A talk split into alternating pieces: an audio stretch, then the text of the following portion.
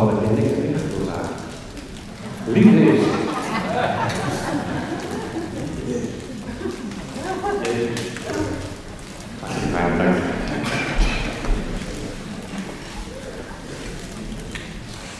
Ja, misschien mooi om daar zo gewoon eens even heel bewust over na te denken. Ben ik goed te verstaan? Ik heb zelf het idee dat ik donker ben. Mooi om zo even bij het thema stil te staan voor jezelf. Even binnen te laten komen, terwijl je de liederen aan het zingen bent. En kijken wat er dan zo bij je binnenkomt als je nadenkt over het thema liefde is. Een teken van de eindtijd is dat de liefde zal verkillen.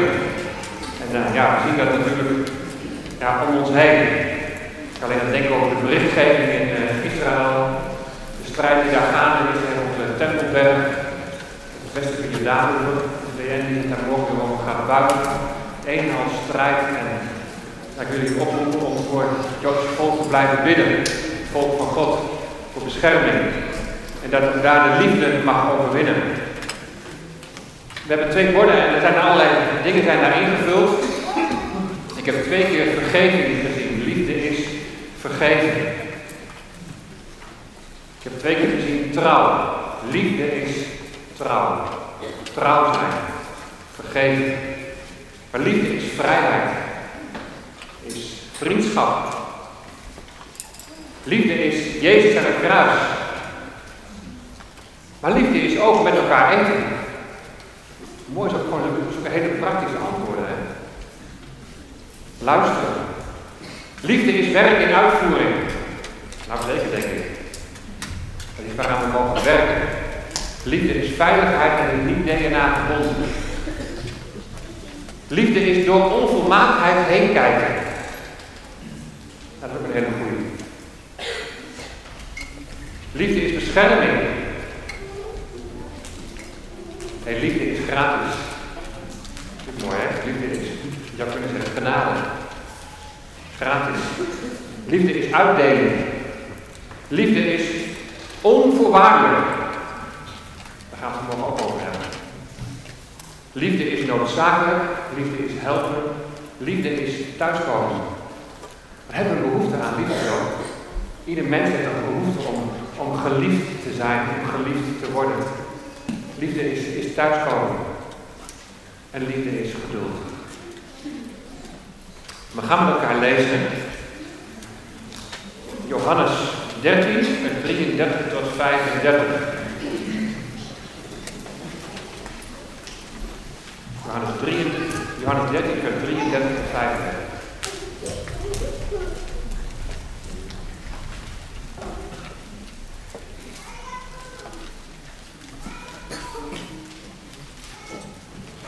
En dan lees ik het volgende. Lieve kinderen, nog een korte tijd ben ik bij u. U zult mij zoeken. En zoals ik gezegd heb tegen de Joden, zo zeg ik het ook nu tegen u. Waar ik heen ga, daar kunt u niet komen. Een nieuw gebod geef ik u, namelijk dat u elkaar lief hebt. Zoals ik u lief gehad heb, moet ook u elkaar lief hebben. Hierdoor zullen allen inzien dat u mijn discipelen bent. Als u liefde onder elkaar hebt. Tot zover. Jullie hebben vast die cartoons wel eens gezien, en zoals dit plaatje van liefde is. Maar ik zal er even een paar laten zien.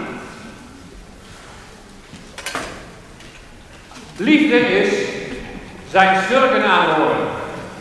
Mooi hè? Zie je daar boven die boomstam en die zaag? Waar het nou zijn schurken is, dat weet ik niet. Maar kan het ook heel goed haar schurken zijn. Toch Karin?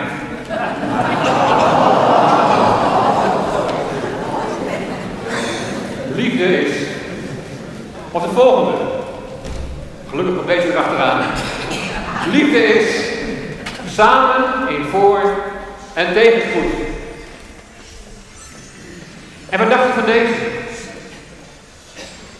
Liefde is hemel op aarde. Nou, laten we die voor zometeen maar even vasthouden. Liefde is hemel op aarde. Mag ik het even omdraaien? De hemel op aarde, dat is liefde. Of dan zal er volmaakte liefde zijn. Liefde is. We hebben drie versen gelezen. En in alle drie de versen, hè, daar komt het woord lieve, liefde of liefhebben voor. Je hebt 34 zelfs drie keer liefhebben. Dit is het enige gedeelte waar Jezus zijn discipelen aanspreekt met kinderen. En hij beschouwt zijn discipelen, zijn leerlingen, beschouwt hij dus als zijn kinderen. En het woord voor kinderen hier in het Grieks, dat is het woordje teknon. En dat woord dat, gebruikt, dat wordt gebruikt als een vader zijn kind heel vriendelijk aanspreekt. Want eigenlijk staat hier alleen maar kinderen, maar in deze vertaling staat er lieve kinderen. Maar dat geeft ook iets meer van dat woord weer. Een geweldige liefde voor je kind. Zorgzaamheid. Verbondenheid. Daarom wordt in deze vertaling gekozen voor die term lieve, lieve kinderen. Maar stel je eens voor, van die grote stoere kerels, vissermannen. Ze zijn drie jaar zijn ze getraind. Ze moeten erop voorbereid worden dat ze vervolgd zullen worden. Mensen zullen hun afwijzen, zullen hun zelfs naar het leven staan. Kortom, het zal een zware weg zijn die ze moeten gaan. Nou, ik ben vroeger nog in militaire dienst geweest. En dan word je erop voorbereid om in een oorlog te vechten. En je wordt erop voorbereid dat je mogelijk een hele zware weg moet gaan. En stel je dan eens voor, dan staat er tijdens de opleiding zo'n sergeant voor het peloton soldaten. En die sergeant die heeft iets heel belangrijks te vertellen. En dan begint hij met, lieve kinderen. Niet voor te stellen. De sergeant die voor het peloton stond waar ik in zat, die, die deed zijn best om heel gewichtig over te komen met zijn borst vooruit. Hij schreeuwde hard en hij gaf bevelen om zo zijn overwicht te tonen. Niks, lieve kinderen. Mannen, luister!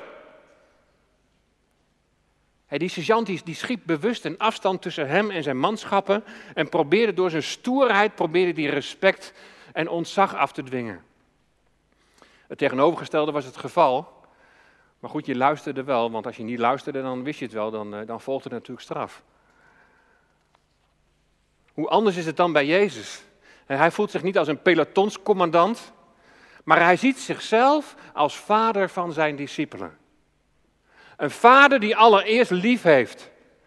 Die zijn discipelen niet aanspreekt met lieve kinderen omdat ze altijd zo lief zijn, maar omdat hij onvoorwaardelijk van ze houdt. Hebben we net ook op het bord zien staan. Liefde is onvoorwaardelijk. Zonder voorwaarden. En Jezus die heeft iets te vertellen wat ontzettend belangrijk is. Dan is het niet mannen, luister, maar dan is het lieve kinderen. En hij gaat nu ook iets van zijn discipelen vragen op het gebied van liefhebben. Maar zijn liefde komt eerst. Zijn liefde komt eerst. Liefde is dat zijn liefde eerst komt. Dat is ook een mooi, toch? Hij die uit de hemel komt, heeft zijn hemelse liefde hier op aarde laten zien. Liefde is hemel op aarde. Steeds weer geldt datzelfde principe wat ik de afgelopen weken al een paar keer heb voorgehouden. Zijn genade komt eerst. Zijn vergeving komt eerst. En we hebben ze allebei op het bord gezien. Genade, gratis stond er. Vergeving hebben we twee keer gezien. Dat komt eerst. Zijn liefde komt eerst. Want God is de gevende God.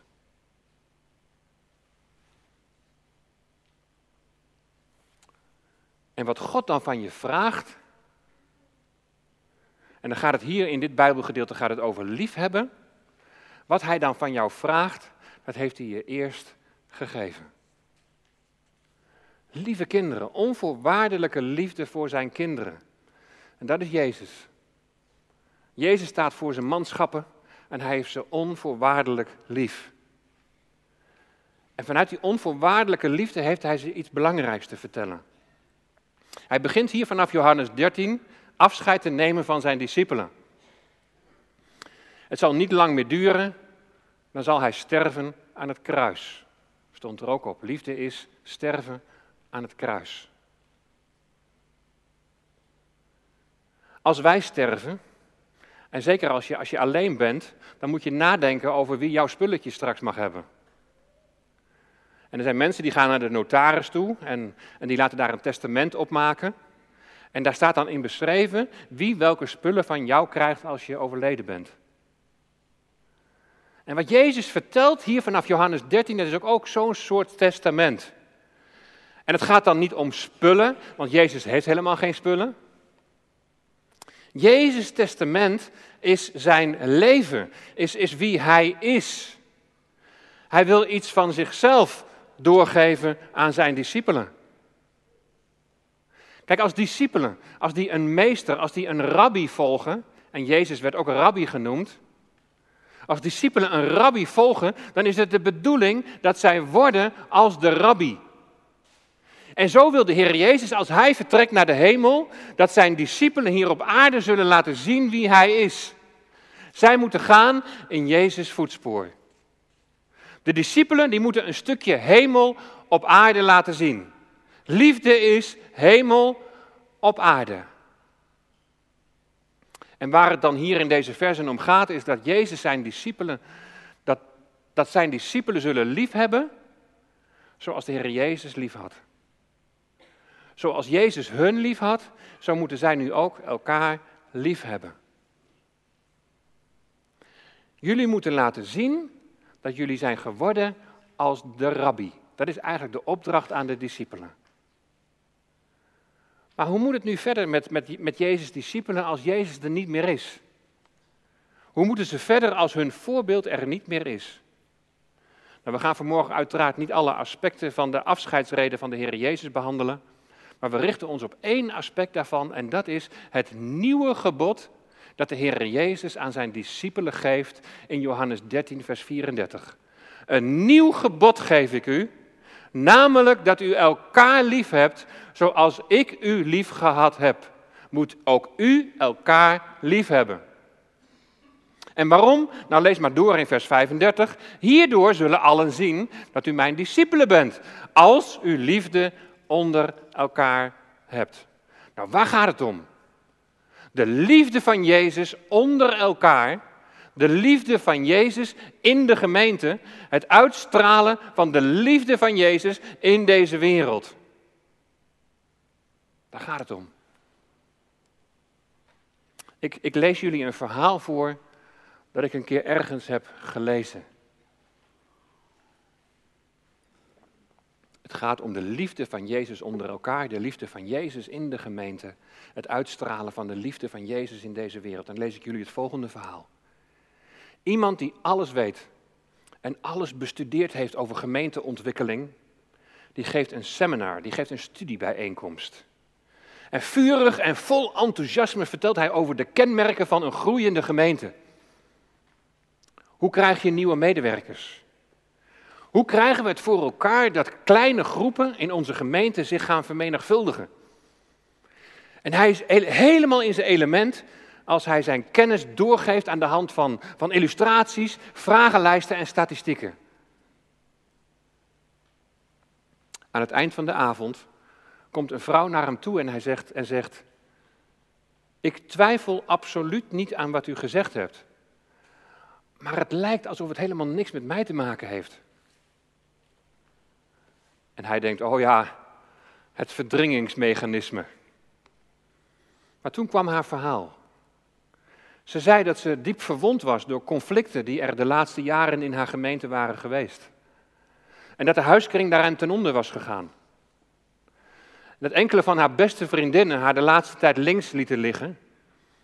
En dat haar echtgenoot, die haar belangstelling voor de gemeente nooit had begrepen, vier maanden geleden van haar gescheiden was. Ze vertelde dat andere gemeenteleden nauwelijks tijd voor haar hadden. Want ze hadden het allemaal druk met gemeenteontwikkeling. En zo ging ze nog even door en, en tot slot zei ze, ik leef in een levende, groeiende gemeente en ik heb de indruk dat ik de eenzaamste mens ben op deze wereld. En dit verhaal heeft hem aan het denken gezet. Wat is gemeenteontwikkeling? Meer programma's, meer groepen, meer activiteiten, grotere prestaties. En hij riep het uit: Lieve God, dit kan toch niet de toekomst van uw gemeente zijn? Ik spuug op alle gemeenteopbouwprogramma's als ze er niet toe bijdragen een plaats te creëren waar een eenzame en verwonde vrouw troost, ondersteuning en genezing kan vinden. Tijdens een seminar liet hij de deelnemers op een briefje schrijven wat volgens hen de grootste belemmeringen voor de opbouw van de gemeente zijn. En ze noemden de volgende: ruzie, machtsstrijd, de geruchtenfabriek, onverschilligheid, overbezette medewerkers en ambtsdragers, traditionalisme. Altijd gelijk willen hebben. Territoriumdrift. Dit stukje is van mij. Gebrek aan vertrouwen. En toen zei hij van, kunnen we dit niet in drie woorden samenvatten? Gebrek aan liefde. En bijna iedereen die knikte. Conclusie: de grootste belemmering voor de opbouw van de gemeente is gebrek aan liefde. Of meer positief benaderd, voor de opbouw van de gemeente is liefde het fundament. Natuurlijk zeggen we dan Christus is het fundament, maar Hij is liefde. Dus liefde is het fundament voor opbouw van de gemeente. De afscheidsreden van de Heer Jezus. En wat geeft Hij aan zijn discipelen mee? Een nieuw gebod.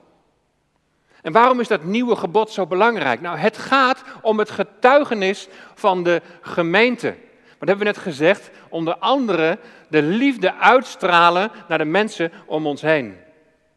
En zo Christus laten zien. De gemeente, het lichaam van Christus. Al de gelovigen samen zijn, nu Jezus is vertrokken naar de hemel, zijn ze vertegenwoordigers van Hem hier op deze aarde. Dat wij volgelingen van Hem zijn, dat moet zichtbaar worden in de onderlinge liefde. Maar dit soort dingen dus geen plek krijgen. Of in ieder geval geen kans krijgen om te groeien. Want zo laten we namelijk een stukje hemel op aarde zien. Liefde is hemel op aarde. Nu is het zeker in deze tijd wel belangrijk om uit te leggen wat je nou eigenlijk precies met liefde bedoelt. Waar hebben we het eigenlijk over als we het hebben over de onderlinge liefde? Is het gewoon aardig zijn tegen iemand? Liefdevol zijn? Geen vooroordeel hebben? Iemand accepteren zoals hij of zij is? Wat is liefde? Laten we even teruggaan naar de bron, de bron van liefde. In 1 Johannes 4, vers 8, daar staat: God is liefde. En daarin is het christendom uniek. Heb je ooit een moslim horen zeggen dat Allah liefde is? Met deze tekst, God is liefde, wordt in 1 Johannes veel meer gezegd dan dat liefde een eigenschap van God is. Het gaat ook niet om de eigenschap lief te zijn. De liefde is het wezen van God. God is liefde. En om het wezen van de liefde te, te kunnen begrijpen, moeten we het wezen van God leren kennen. Liefde is het zichzelf geven van God. Dit wordt met liefde bedoeld als er wordt gesproken over de agape-liefde. Agape komt dus overeen met het wezen van God, met wie Hij is. Hij heeft niet alleen maar liefde voor iemand omdat die ander hem ook lief heeft. Hij heeft die ander niet lief omdat die ander zijn liefde waard is. Maar hij wil die ander lief hebben. Hij kan niet anders dan lief hebben, omdat hij liefde is. En zo teruggaand naar de bron, naar God zelf, dan kun je zeggen: hé, hey, liefde is dus een keuze. En wat betekent dat nou voor Jezus' discipelen die in zijn voetspoor willen gaan? Het lijkt misschien zo op het eerste gezicht een beetje een technisch verhaal. De ander liefhebben is een kwestie van je wil. Het is een keuze. Maar hoe werkt dat dan als dat helemaal tegen je gevoel ingaat? En dan zijn we bij een heel cruciaal punt. Hoe kun je lief hebben als dat helemaal tegen je gevoel ingaat? Kun je dat gevoel dat je, dat, je, dat je een weerstand hebt tegen iemand? Er zijn misschien dingen die je irriteren. Misschien denk je wel van, ah, dat is niet mijn type. Hoe kan ik die persoon nou lief hebben als ik zulke negatieve gevoelens heb? Je weet dat je hem of haar moet lief hebben, want dat staat hier in de Bijbel heel duidelijk. Maar in de Bijbel staat ook dat het niet ongeveinsd moet zijn. Dat betekent, het moet niet huigelachtig zijn. Het moet natuurlijk wel echt en oprecht zijn. Hoe ga ik die persoon dan, waar ik het dan toch wel wat moeilijk mee heb, hoe ga ik die nou oprecht lief hebben? En dat brengt ons bij het belang van dat nieuwe gebod. In 1 Johannes, 1 Johannes 2, vers 7, er staat aan de ene kant dat het een oud gebod is. En je kunt het ook terugvinden in het Oude Testament, in, in Leviticus. Dat we onze naasten moeten liefhebben als onszelf. Dus wat dat betreft, niets nieuws onder de zon. Maar ik lees jullie 1 Johannes 2, vers 7 en 8 even voor. Broeders, ik schrijf u geen nieuw gebod, maar een oud gebod dat u vanaf het begin hebt gehad. Dit oude gebod is het woord dat u vanaf het begin hebt gehoord. Toch schrijf ik u een nieuw gebod dat waarheid is in hem en in u, want de duisternis gaat voorbij en het ware licht schijnt reeds. Kijk, een gebod kan wel waar zijn voor jou. Je moet je naaste lief hebben. Maar de vraag is, is het ook waarheid in jou? Is het ook werkelijkheid in jou dat je je naaste lief hebt? En dat is een heel groot verschil. Als een gebod waar is voor jou, dan geldt het voor jou zoals we allemaal bijvoorbeeld de Nederlandse wetten moeten houden. Je mag niet door rood rijden. Dat is waar, dat klopt. Dus ik kun je zeggen, dat is waar voor mij, want dat is, dat is zo. Maar als het gebod, als dat nou waarheid is in jou, als het werkelijkheid is in jou, dan is het jouw nieuwe natuur geworden. Dan is het de natuur van Christus geworden.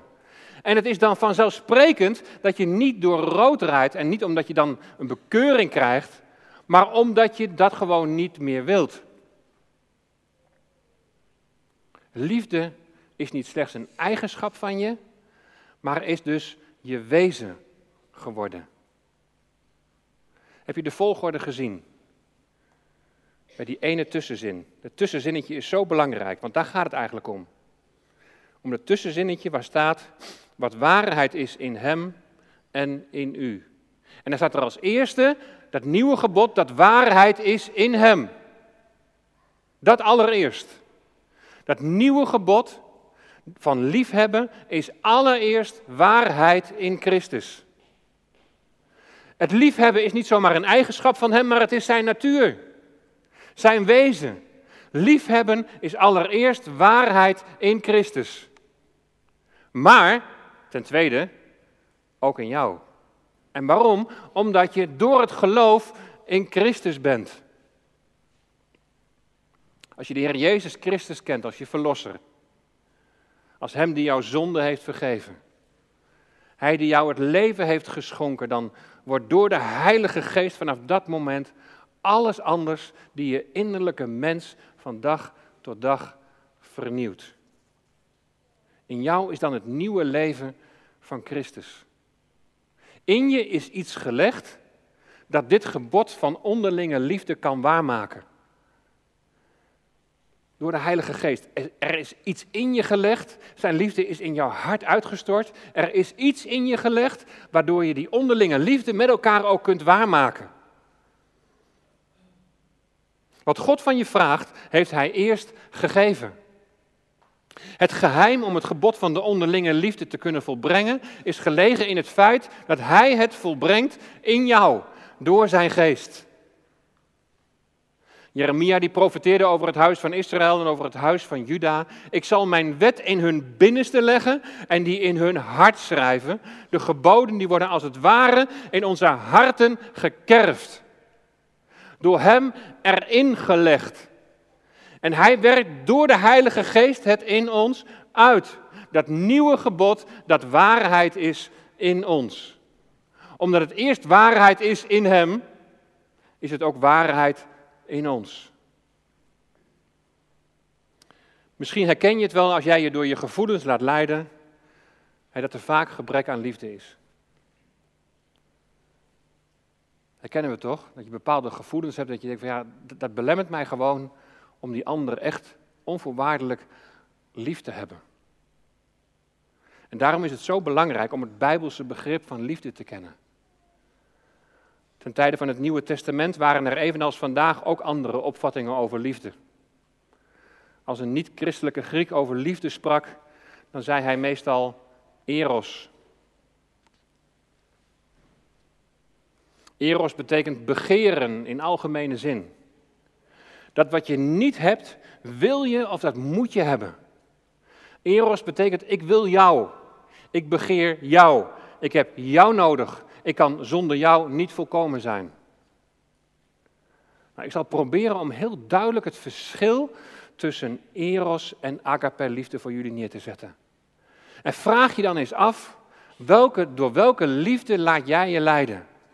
Nou, misschien gaan er komende weken nog heel veel mensen op vakantie en ik zou je deze vraag ook voor de vakantie mee willen geven. Naar aanleiding van deze uitleg, denk voor jezelf eens na, door welke liefde laat jij je leiden? Door de erosliefde of door de agape-liefde? Erosliefde ontstaat doordat je geliefde liefdevolle gevoelens bij je opwekt. Dus schematisch werkt dat als volgt. Het begint met liefdevolle gevoelens voor iemand. En dan komen er ook liefdevolle gedachten.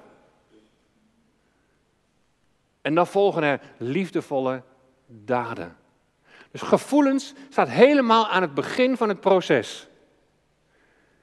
Als je als christen iets liefdevols voor iemand anders wil doen, want je wilt op Christus lijken, maar het is zo in strijd met je gevoel, ja, dan heb je daar moeite mee.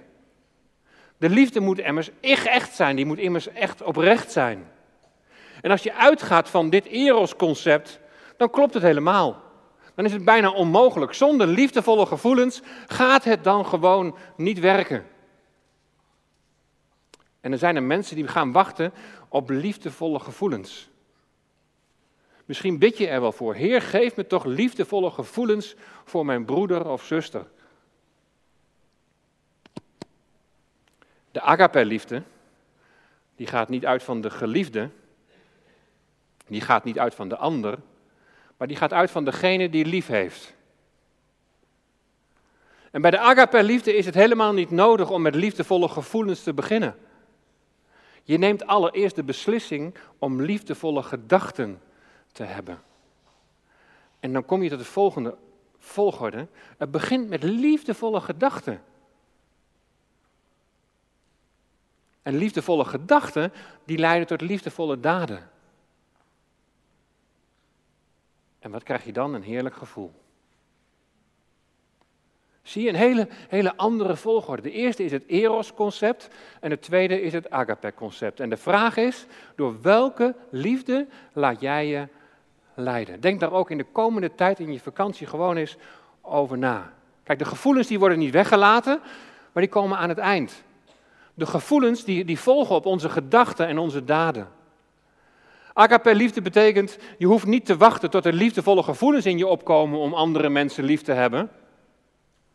Omdat Gods agape liefde in je aanwezig is, gekerfd is in je hart, kun je besluiten en spoort de Heilige Geest je aan tot liefdevolle gedachten en liefdevolle daden. En dan zul je zien wat voor positieve invloed dat heeft op je gevoelsleven. God heeft zich gelukkig niet door zijn gevoelens laten leiden. Hij heeft gelukkig niet gedacht, je bent mijn type niet. De volmaakte agape-liefde heeft ertoe geleid dat hij voor jou heeft gekozen. Hij heeft ervoor gekozen om jou lief te hebben. En het begint dus met onze gedachten. Alsof dat dan zomaar even de oplossing is. Want we weten ook wat voor strijd zich in onze gedachten kunnen afspelen. De duivel die wil ons denken voortdurend op een negatieve manier beïnvloeden. In een boek daar las ik, hij, hij begint ons denken te bombarderen met een slim bedacht patroon van subtiel zeurende gedachten. Vermoedens, twijfels, angsten, vragen, redeneringen, theorieën. En hij gaat langzaam en behoedzaam verder. Bedenk dat hij een strategie heeft voor zijn oorlogsvoering. Satan doet pogingen om bolwerken in ons denken op te zetten. In de volgende verse daar wordt duidelijk dat er sprake is van een strijd. De wapens van onze strijd zijn immers niet vleeselijk, maar krachtig door God tot afbraak van bolwerken. En wat zijn die bolwerken dan? Want wij breken valse redeneringen af en elke hoogte die zich verheft tegen de kennis van God. En wij nemen elke gedachte, daar heb je hem dus, die gedachte, waar het mee zou moeten beginnen. We nemen elke gedachte gevangen om die te brengen tot de gehoorzaamheid aan Christus. Wat staat hier dus over bedenksels en over gedachten? Dat we ze krijgsgevangenen moeten maken en moeten brengen onder de gehoorzaamheid aan Christus. En daarbij moeten we wapenen gebruiken. Daarbij moeten we de wapenrusting aandoen. Een van die wapenen is het woord. Jezus zegt: Als jullie in mijn woord blijven, als je vasthoudt aan mijn leer en ernaar leeft, dan ben je waarlijk een discipel van mij en je zult de waarheid verstaan en de waarheid zal je vrijmaken. Als je met negatieve gedachten over een ander rondloopt, dan ben je niet vrij, maar dan ben je gebonden. God wil je denken vernieuwen door zijn woord. Daarom is dat woord zo belangrijk. Daarom is Bijbelstudie zo belangrijk. En dat woord moet waarheid in je worden door de Heilige Geest. Die het in je hart gaat bevestigen en die het in je hart gaat uitwerken. Hey, de liefde van God is in mijn hart gekerfd. Het is in mijn hart gelegd. Hoe kan ik nou negatieve gedachten hebben over mijn medebroeder of zuster? Twee andere geestelijke wapens die ons ter beschikking staan zijn lofprijzing en gebed. Lofprijzing verslaat de duivel sneller dan enig ander strijdplan. Maar het moet wel komen vanuit een oprecht hart. Daarom is lofprijzing en daarom is gebed zo belangrijk. Zowel bij lofprijzing als gebed is het woord betrokken.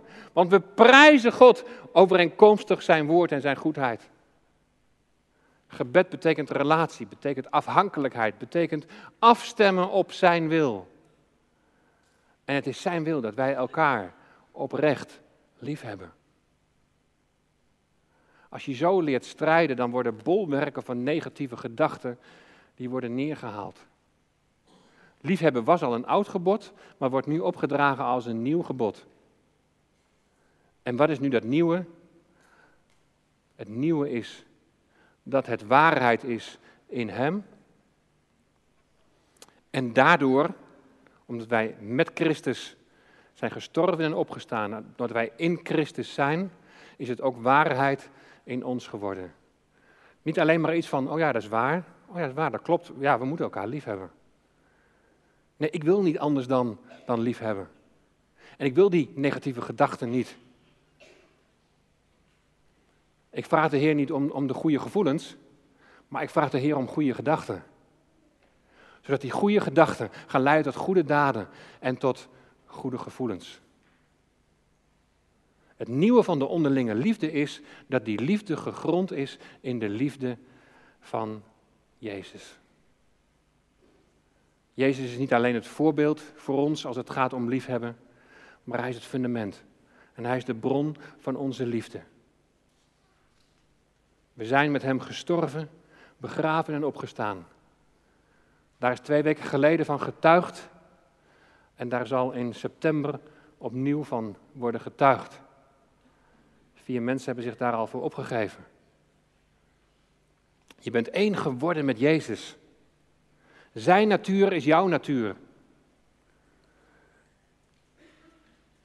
Liefhebben is dus jouw natuur geworden. Dit gebod om lief te hebben is in je hart gekerfd. Deze liefde is een vrucht van de geest. Ja, het is de geest in jou die helpt om lief te hebben zoals Jezus lief heeft. Het is de geest die je helpt om je gedachten onder de heerschappij van Christus te brengen. Laat mijn gedachten uw gedachten zijn. Laat uw gedachten mijn gedachten zijn. Zodat Christus gedachten, zijn liefdevolle gedachten, ook jouw gedachten zullen worden.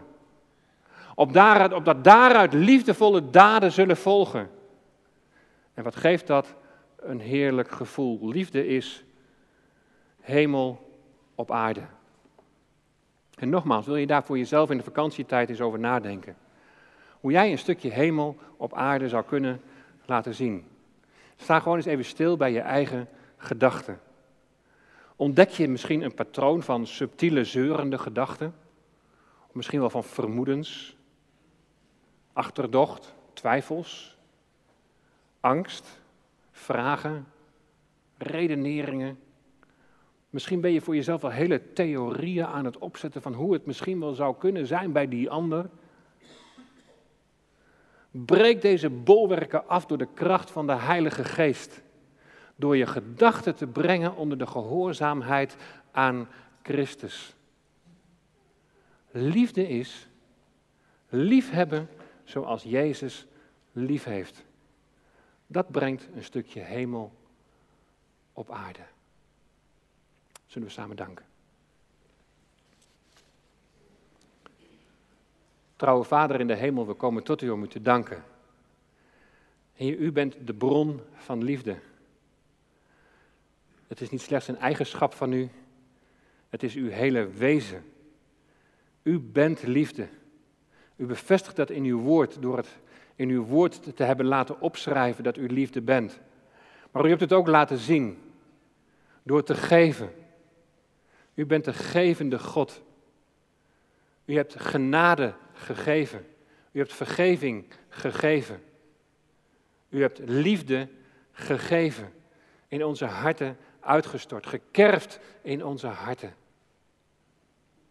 Heer, en u hebt ons een belangrijke opdracht meegegeven deze morgen. Om elkaar lief te hebben. Om zo ook in die liefde te laten zien dat we discipelen, leerlingen, volgelingen van u zijn. Heer, en het is zo goed om, om voor onszelf eens bewust met die vraag bezig te zijn door welke liefde we ons laten leiden. Ik herken zelf ook nog zo vaak van die momenten dat, dat ik toch weer moet beleiden dat die gevoelens voorop stonden. En dat het daardoor ook niet goed gaat. Maar Heer, leer ons om juist onze gedachten op U af te stemmen. Dat onze gedachten uw gedachten zullen zijn. Gedachten van vergeving. Gedachten van, van liefhebben. Gedachten van we willen er samen uitkomen. Gedachten van ik, ik zie je niet meer aan naar het vlees. Maar ik zie jou ook aan naar wie je bent in Christus, een nieuwe schepping. Heer, werkt u zo deze liefde zo in ons uit. Dat we dat in de dagelijkse praktijk van ons leven zo in uitvoering mogen brengen. Heer, we hebben met elkaar beleden dat de liefde het fundament van gemeenteopbouw is. En aangezien u de liefde bent, bent u het fundament. Heer Jezus, u bent het fundament van ons leven. U bent het fundament van ons bestaan. U bent het fundament van de gemeente. Op u willen we bouwen. Op u willen we vertrouwen. Bij u willen we schuilen. Met u willen we onderweg zijn. Maak ons vol van uw Heilige Geest. Dat alle bolwerken die er zijn in onze gedachten, dat die afgebroken mogen worden door ze te brengen onder de gehoorzaamheid aan Christus. Daarmee mogen we verkeerde gedachten mogen we beleiden en brengen voor uw troon. Heer, misschien zijn er wel van die gedachten die nu op dit moment bij ons binnenkomen. Als we bij onszelf denken, ja, dat, dat waren die gedachten. Dat zijn die negatieve gedachten waar ik, waar ik voortdurend mee rondloop.